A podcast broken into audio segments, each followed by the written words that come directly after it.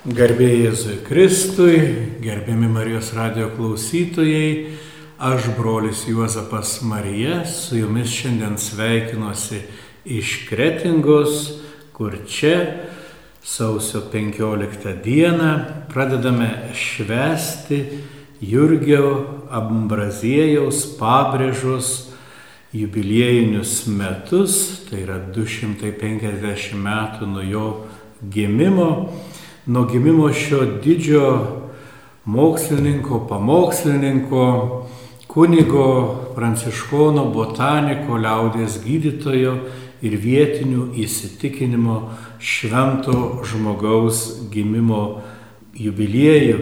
Lietuvoje šie metai yra paskelbti Jurgio Ambraziejaus pabrėžos metais ir mes pabandysime susipažinti su šiuo daugeliu galbūt ir negirdėtų šventuoju, kaip vietiniai jums paliudis. Ir iš ties nuvykus kretingoje prie jo kapo, matysime, kad ten dieną naktį negesta žvakės, žmonės renkasi prie jo kapo prašydami užtarimų įvairiuose reikaluose ir yra tikrai daugybė liudijimų apie stebuklingus išgyjimus Jau prieš karą broliai buvo pradėję rinkti medžiagą jo betifikacijai. Tiesa, karas, okupacija tą procesą sustabdė, tačiau vietinė pranciškonų pasauliečių brolyje vėl pradėjo rinkti dokumentus ir labai tikimės, kad tikrai per šiuos ypatingai jam skirtus metus pavyks pasistumėti su šiuo betifikacijos procesu Tikrai per šiuos metus išgirsite ne vieną radio laidą, kuris bus pristatytas, pristatyti jo tikrai didi veikla, jo darbai. Nu, mes bandysime susipažinti su jo dvasiniu palikimu, su jo asmenybė, su jo gyvenimu ir pradėsime tikrai nuo to paprasto jo gimimo, pirmųjų metų mokykloje ir pirmo paskirimo, pirmosios parapijos ir pirmųjų pamokslų.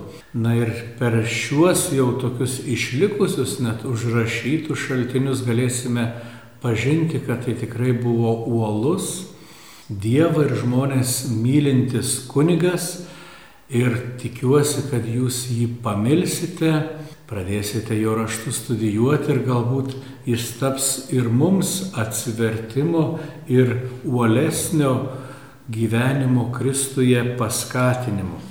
Taigi, Jurgis pabrėža vėliau pasirinkęs Ambraziejaus pranciškonišką, vienuolišką vardą, gimė 1771 metais Venčių kaime Lenkimų parapijoje, visiškai šalia Latvijos pasienio ir kaip gražiai aprašo Česlovas Kudaba, jis gimė prie šventosios upės, prieš jos, kaip jis įrašo, mažos, bet išdidžios upelės, kuri pati viena į jūrą drįsta tekėti.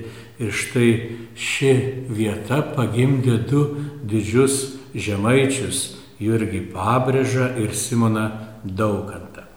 Taigi Pabrėžos vaikystė prabėgo tėvų ūkyje, kaime buvo mokomas mamos ir kaip jis pats gražiai liudyja, mama išmokė pagrindinių tikėjimo ir doros dalykų. Ir kaip Jis sako, iš motinos lūpų išgirdo apie Dievą, apie pirmasias ir pagrindinės tikėjimo tiesas, iš jos išgirdo keletą svarbių dalykų, kuriuos ir mes galėtume savo įsivardinti, išgirdo, kas yra nuodėmė, kas yra dorybė ir kaip reikia gyventi, kad į dangų patekti. Taigi trys dalykai, kuriuos jeigu tėvai įdės į vaikų širdį, duos jiems tvirtą pamatą, kaip gyventi, kaip atskirti, kas yra gera ir teisinga, kaip būti geru žmogumi ir kaip būti laimingu ir pasiekti dangų. Tai jo pradžia gyvenimo mokslai sakykime, pasiruošimas gyvenimui vyko namuose, kaime ir vėliau jis pradėjo lankyti mokyklą Kretingoje. Ir beskaitant apie jo mokslus, netgi šioks toks lengvas pavydas suėmė galvojant apie tai, kiek šiandien atrodo įdedama pastangų mokinti, kūriamos įvairios pedagoginės programos, nu, o tuo metu buvo trys klasės. Trys klasės ir štai per tas tris klases tiek daug iškilių ir šviesių žmonių išaugo. Tiesa, teisybės dėlį reikia pasakyti, kad tas tris klases net nereiškia, kad per tris metus pabaigdavai, trukdavo kartais ir du metus vieną klasę išeiti.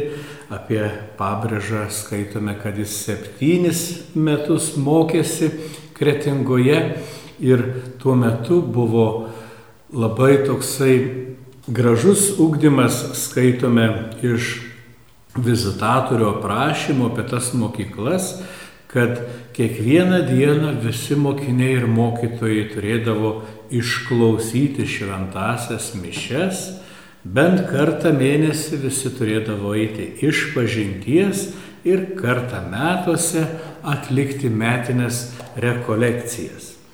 Įdomu tai, kad sekmadieniais mišes eidavo išklausyti į pranciškonų bažnyčią, o savaitės bėgyje mišios vykdavo mokyklos koplyčioje ir mokykloje buvo paskirtas pamokslininkas, kuris mokė vaikus darybės ir mokė iškalbos. Taigi išsilavinimas buvo tikrai dedamas akcentuojant dėmesį į dorinį ugdymą. Įdomu tai, kad pabrėžiama, kad sekmadienio pamokslai pranciškonų bažnyčioje buvo sakomi lietuvių kalba. Taigi aplinkinių kaimelių vaikai tuo pačiu ir pabrėžą galėdavo suprasti, kas buvo sakoma ir ko gero tie pamokslai įkvėpė jam tą tokį paprastumo, nuolankumo ir gamtos meilės ilgesį. Ir kaip jisai pats sako, jis studijavo gamtos knygą, kad galėtų pažinti kūrėją, jį karštai mylėti ir visuomet būti jam ištikimas. Taigi netgi tas gamtamokslis, kuris buvo jo gyvenimo palydovas, jam kalbėjo apie kurėją. Baigęs Kretingos mokyklą, jis ją baigė būdamas jau jaunuolis, 21 metų, išvyksta mokytis į vyriausią Lietuvos mokyklą Vilniuje, ten studijuojame du metus baigė biologijos, medicinos, teologijos, fizikos, chirurgijos mokslus, matome, kad per trumpą laiką tikrai įgauna gana platų išsilavinimą ir 1794 metais prisijungia prie Kostiuškos sukilimo. Tas sukilimas, kaip žinome, buvo žiauriai caro valdžios numalšintas, sukilimo dalyviai silakstė kas kur, Na, o pabrėža įstoja Varniuose į kunigų seminariją ir jau po dviejų metų Žemaičių vyskupo Stepono Giedraičio yra išventinamas į kunigus. Taigi 25 metų amžiaus jis yra paskiriamas vikarauti į Šiluvą. Šiluva kaip ir šiais laikais, taip ir tuo metu garsėjo tikrai kaip didžiulė šventovė, į kurią plūsdavo daugybė piligrimų, daugybė žmonių norėdavo atsilikti išpažinti, taigi ir pabrėža turėjo progos iš arti stebėti tą dvasinį gyvenimą. Šiluva tikrai turėdavo visuomet garsius pamokslininkus, kurie tikrai turėjo prisidėti ir prie jo dvasinio augimo bet apie jį patį daugiau sužinome jau praėjus metams po jo kunigavimo, kuomet jis paskiriamas į pirmąją savo tokią savarankišką vietą, paskiriamas Raudėnų parapijos administratoriumi kur du metus atlieka savo kunigišką tarnystę. Ir iš ties yra smagu skaityti apie jo nepaprastą uolumą, apie tai, kaip jis rūpinasi žmonėmis ir apie savo išskirtinį dvasinį nusiteikimą. Jis yra palikęs visą eilę raštų, kuriuos yra pavadinęs ryštais. Tai yra pasiryžimais, kaip dvasiškai gyventi. Tai neišimtis ir ta pirmoji vieta, kuris atvykęs duoda savo pasiryžimus, kaip tarnauti, kaip patarnauti žmonėms, kaip melstis. Ir tie jo ryštai tikrai duoda suvokimą apie patį pabrėžos dvasinį gyvenimą. Bet prieš einant prie jų, labai nuostabu, kad yra išlikęs jo pirmasis pamokslas, kurį jis pasako atvykęs į Raudėnų parapiją. Ir aš jį skaitydamas tikrai likau sužavėtas ir tikiu, kad kiekvienas kunigas turėtų jį perskaityti ir turėti kaip savo vadovą, kaip darbuotis parapijoje.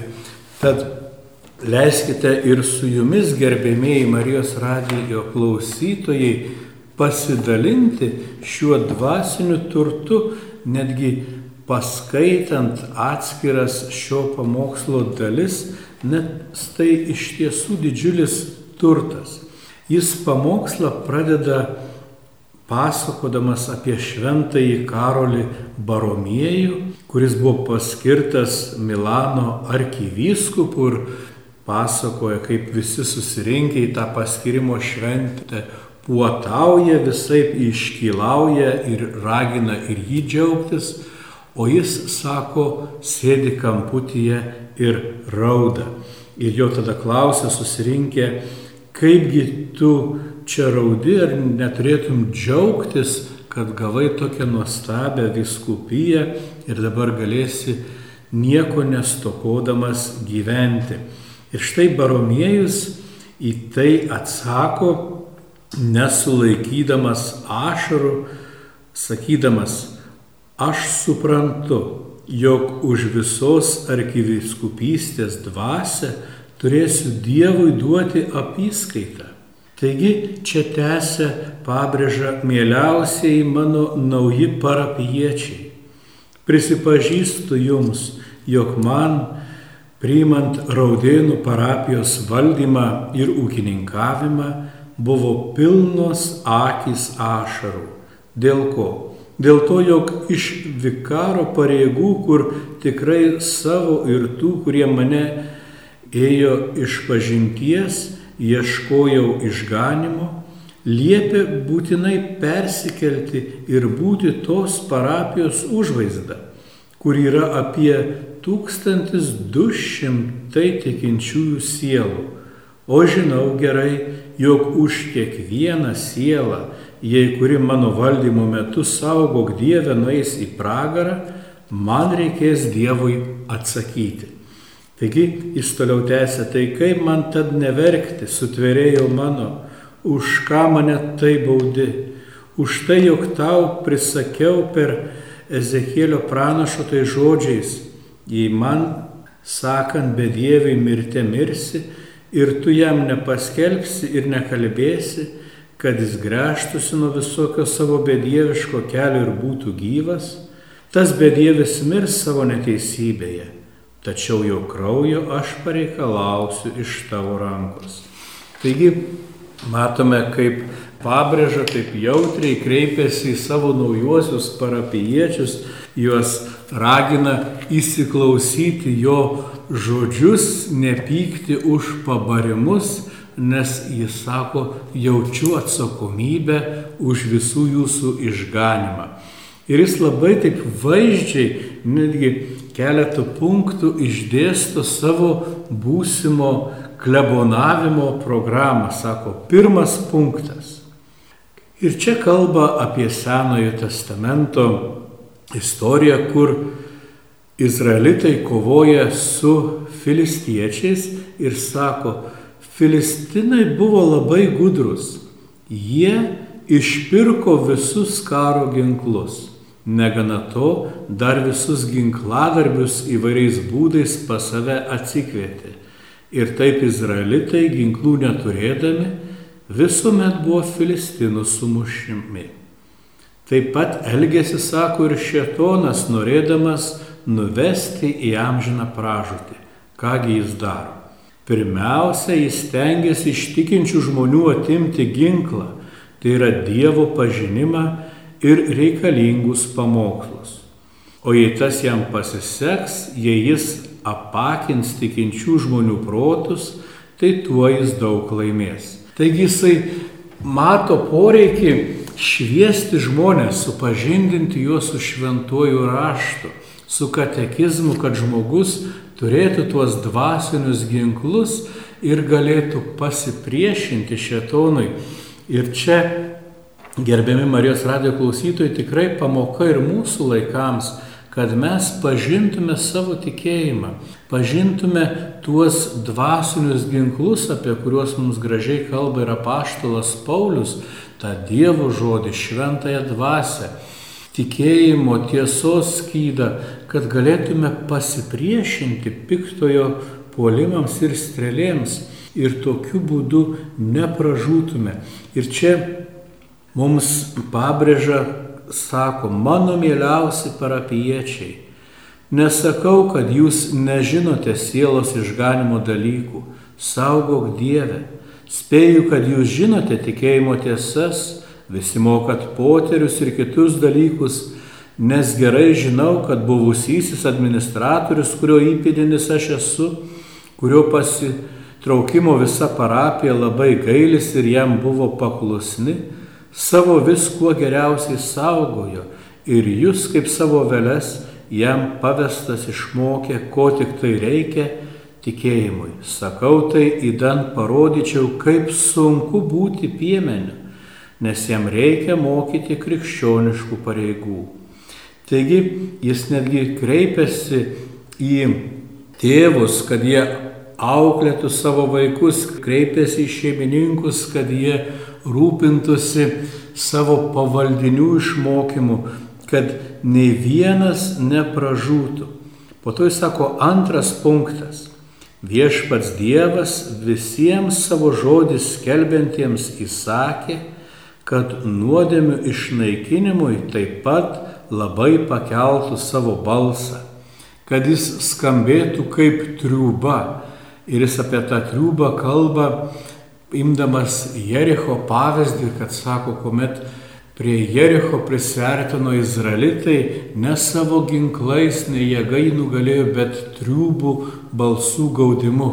Ir jis Jerichą prilygina velnio tvirtoviai, o triubą pamokslams. Ir sako, tad leiskit man triubyti, leiskite man garsiai pamokslauti, kad sugriaučiau piktojo darbus, kad paskelbčiau Dievo karalystę ir sako, nemanykit savo, jog tai darysiu iš piktumo, ne klausytojai, ne viešpatė Dieve saugok mane nuo to, bet tai darysiu jūs mylėdamas ir jūsų sielų išganimo trokšdamas.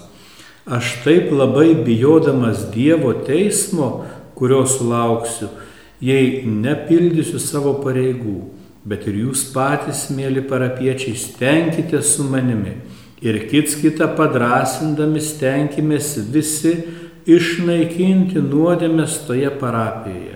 Taigi, šeimininkai, žiūrėkite, kas jūsų namuose darosi. Gimdytojai, žiūrėkite, su kokiais asmenimis jūsų vaikai draugauja. Ir jis ragina kiekvienam būti atsakingu viens už kitą rūpintis vienas kitu. Ir sako, tegul ne tik iš sakyklos skamba pamokslai, bet ir vienas kitą paraginkite, pamokykite ir perspėkite. Ir labai gražiai užbaigė sakydamas, ah, kaip aš būčiau laimingas, kad mirdamas ar iškeliaudamas iš šios parapijos, apie savo parapiečius galėčiau sakyti Dievui, kuriuos viešpats Jėzus sakė žodžius savo dangiškajam tėvui. Viešpatie, avelių, kurias atidavėjai į mano rankas, nepražudžiau nei vienas. Taigi matome, su kokiu uolumu, su kokiu dėmesiu jisai tikrai kreipiasi į savo ganomuosius ir tikrai surūpeščiu juos perspėja. Ir tas jo pamokslavimas tikrai paliečia, paliečia žmonių širdis ir kaip labai gražiai rašo, tas pamokslas visiems padaręs gilų ir jautrų įspūdį, kaip amžininkai rašo, visi verkė klausytojai ir jis pats. Po tokios pradžios yra pagrindo manyti, kad parapiečių bendradarbiavimas su naujoju kunigo administratoriumi buvo tikrai nuoširdus ir sėkmingas. Ir jis tikrai daug pamokslavo, daug mokėsi, bet taip pat ir pats siekė asmeninio šventumo ir kaip jau užsiminiau prieš tai, buvo susidaręs netgi raštu tokią savo savotišką regulą, kurią vadino ryštais ir yra išlikę net keletas jo tokių užrašytų ryštų ir netgi trys tokie vis atnaujinami pasiryžimai ryštai būtent raudėnuose. Ir leiskite paskaityti tik tais pradžią tų ryštų ir pamatysite, kiek buvo uolumo ir nusiteikimo. Keltis trečią arba ketvirtą valandą. Atsikėlus turėti Dievą mintise, pasveikinti švenčiausią Dievo motiną, apsirengus maldingai atkalbėti ritmetinius poterius apmąstymą atlikti, po to brevijorių kalbėti neskubant, atidžiai ir atsiklaupus. Toliau mažiausiai per pusvalandį studijuoti teologiją, o jeigu laikas leidžia ištisą valandą, laikyti šventas mišes sutinkamų pasirengimų ir padėkojimų. Po šventų mišių atsilikti dvasinį skaitimą dar 15 minučių.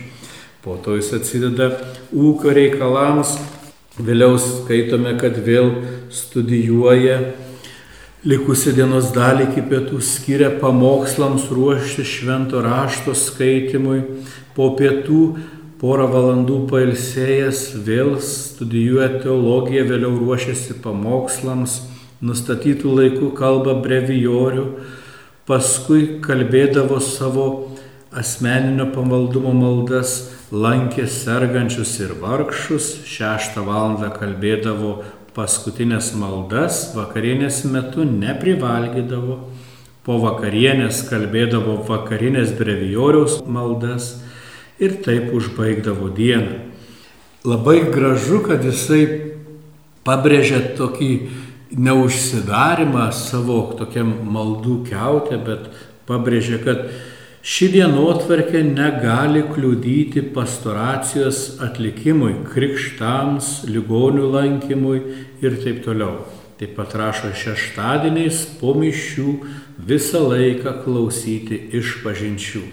Taigi stebime tikrai šventą atsidavusi ganytoją, kuris rūpinasi savo pavestąją kaimenę, juos moko, globoja Ir vėliau kitose mūsų susitikimuose skaitysime, kaip auga jo tas dvasinis Dievo pažinimas ir kaip jis suvokia, kad turi dalintis ne tik dvasios maistu, bet ir rūpintis žmonių švietimu ir jų kūnu. Ir matysime, kad jos tas troškimas pažinti gamtą, pasaulį išauga į troškimą taip pat padėti ir žmonėms, padėti gydant jų kūną, kad jie galėtų kuo geriau pasitarnauti ir Dievui.